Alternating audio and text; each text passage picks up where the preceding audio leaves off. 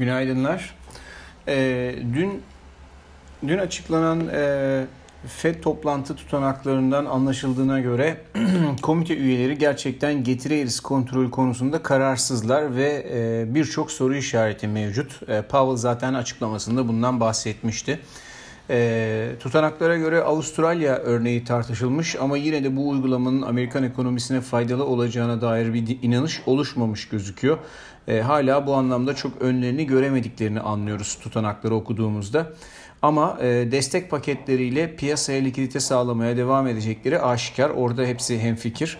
E, muhtemelen yeni e, manevralarda gelecek yeni destek paketleri de açıklayacaklar gibi gözüküyor.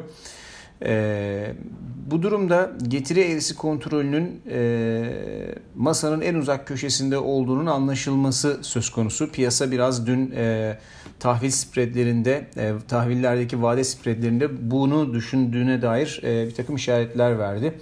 E, çünkü e, kısa vadeli tahvilleri e, uzun vadelilere göre biraz daha fazla aldılar.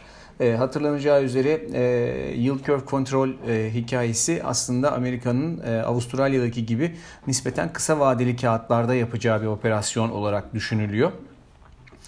E, dolayısıyla bunun olmayacağını düşününce 5 e, yıllık e, ve 30 yıllık spreadine bakıyoruz bu noktada. 5 yıllıkları biraz daha fazla aldılar. 30 yıllıklara göre. Orada bir spreadde son 3-5 ayın e, tersine doğru bir hareketlilik var. Şimdi e, yield curve kontrolün uzakta olduğunu düşünen piyasa muhtemelen aynı şekilde e, buna devam edecektir. Biraz daha e, tahvil faizleri bizim geçtiğimiz zamanlardaki görüşümüze paralel olarak e, yükseliş kaydedecektir. Ama tahminen kısa vadeli tahvillerde daha fazla e, faizde yükseliş olacak gibi gözüküyor.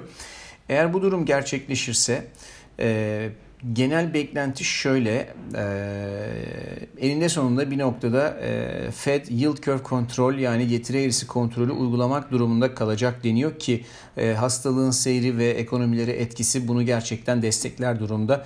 E, hisse haberlerine baktığınızda işte Apple'ın e, yeniden e, onlarca dükkanı e, kapattığına dair e, haberler falan var. Dolayısıyla e, bu noktada hala e, ciddi anlamda merkez bankalarının e, müdahalelerine ihtiyaç olacak.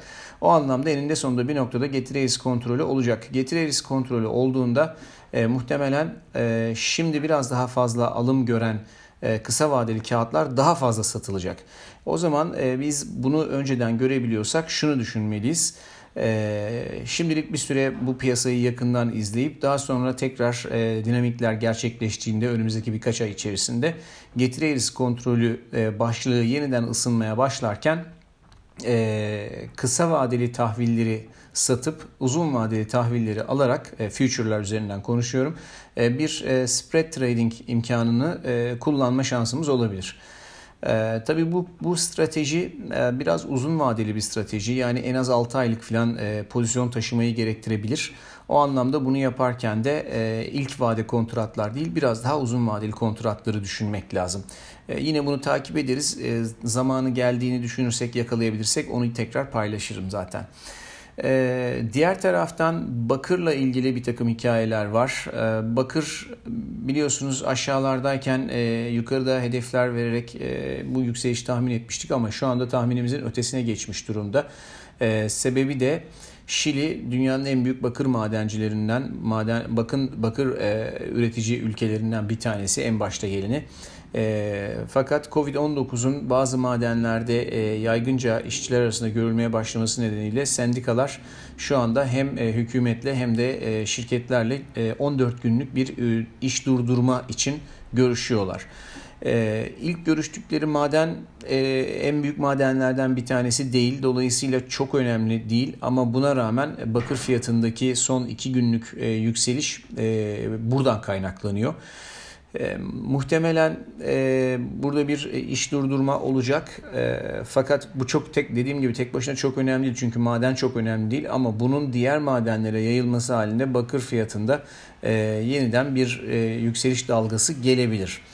E, belki burada future kontratlar bazında bir e, alım için bir imkan olabilir ama haber akışına çok duyarlı olacaktır. E, yani iş e, ona göre hani e, e, iş durdurma olmaz ise e, bakır fiyatlarına tekrar gerileme olabilir. O yüzden ihtiyatlı olmak lazım. Diğer bir alternatif ise bakır madencilik şirketlerinden hisse almak olabilir. E, en başta bunların e, başında e, Freeport McMoran hissesi geliyor. O da zaten gerçekten bir süredir güçlü görünen hisselerden bir tanesi. İsteyen onu da düşünebilir. Ekonomik veriler tarafında bugün tarım dışı istihdam ve saatlik ücretler verisi gelecek Amerika'dan. Dün açıklanan özel sektör istihdam verisi son derece güçlüydü ve önceki veri de ciddi anlamda yukarı revize edilmişti. Bu şartlar altında tarım dışı istihdam verisi de muhtemelen e, bir sürü yeni pozisyonun açıldığını gösterecektir. Hatta baktığımızda e, işte 3.058 milyon e, beklenti var piyasada. Bunun bile üzerinde gelebilir diye düşünüyorum. Saatlik ücretlerde ise geçen aya göre gerileme olması beklenir. Çünkü son 1-2 aydır saatlik ücretlerde görülen yükseliş nakit enjeksiyonu ile ehane halkına yapılan yardımdan kaynaklanıyor. E, son olarak da petrol tarafında e, dün Department of Energy'nin e, stok verileri açıklandı. Ham petrol stokları 7.2 milyon azalış göstermiş. Benzin stokları artmış, dizel azalmış.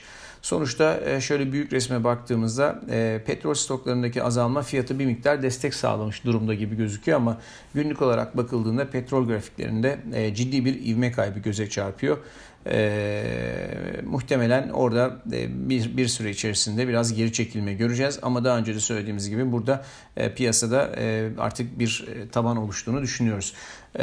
Ha şeyi de e, dün e, bahsettiğim e, sabah notlarında bahsettiğim tarımsal emtialar tarafında bir haber vardı. Hatırlayacağınız üzere orada tarım alanlarının soya ve mısırda tarım alanlarının beklentinin altında kaldığına dair bir haber vardı. Onunla birlikte her ikisinde de ciddi yükselişler oluyor. Eylül kontratı fiyatlarına göre her ikisinde de 200 günlük hareketli ortalamaya kadar bir hareket marjı hala gözüküyor. Bu da e, Mısır'da baktığımızda yaklaşık %6 kadar. Soya'da baktığımızda ise bir buçuk kadar bir e, hareket potansiyeli, yukarı yönlü hareket potansiyeli görülüyor bu ikisinde de. Belki de future kontratları tarafında bir fırsat çıkabilir. E, bugünlük de bu kadar. Herkese iyi seanslar.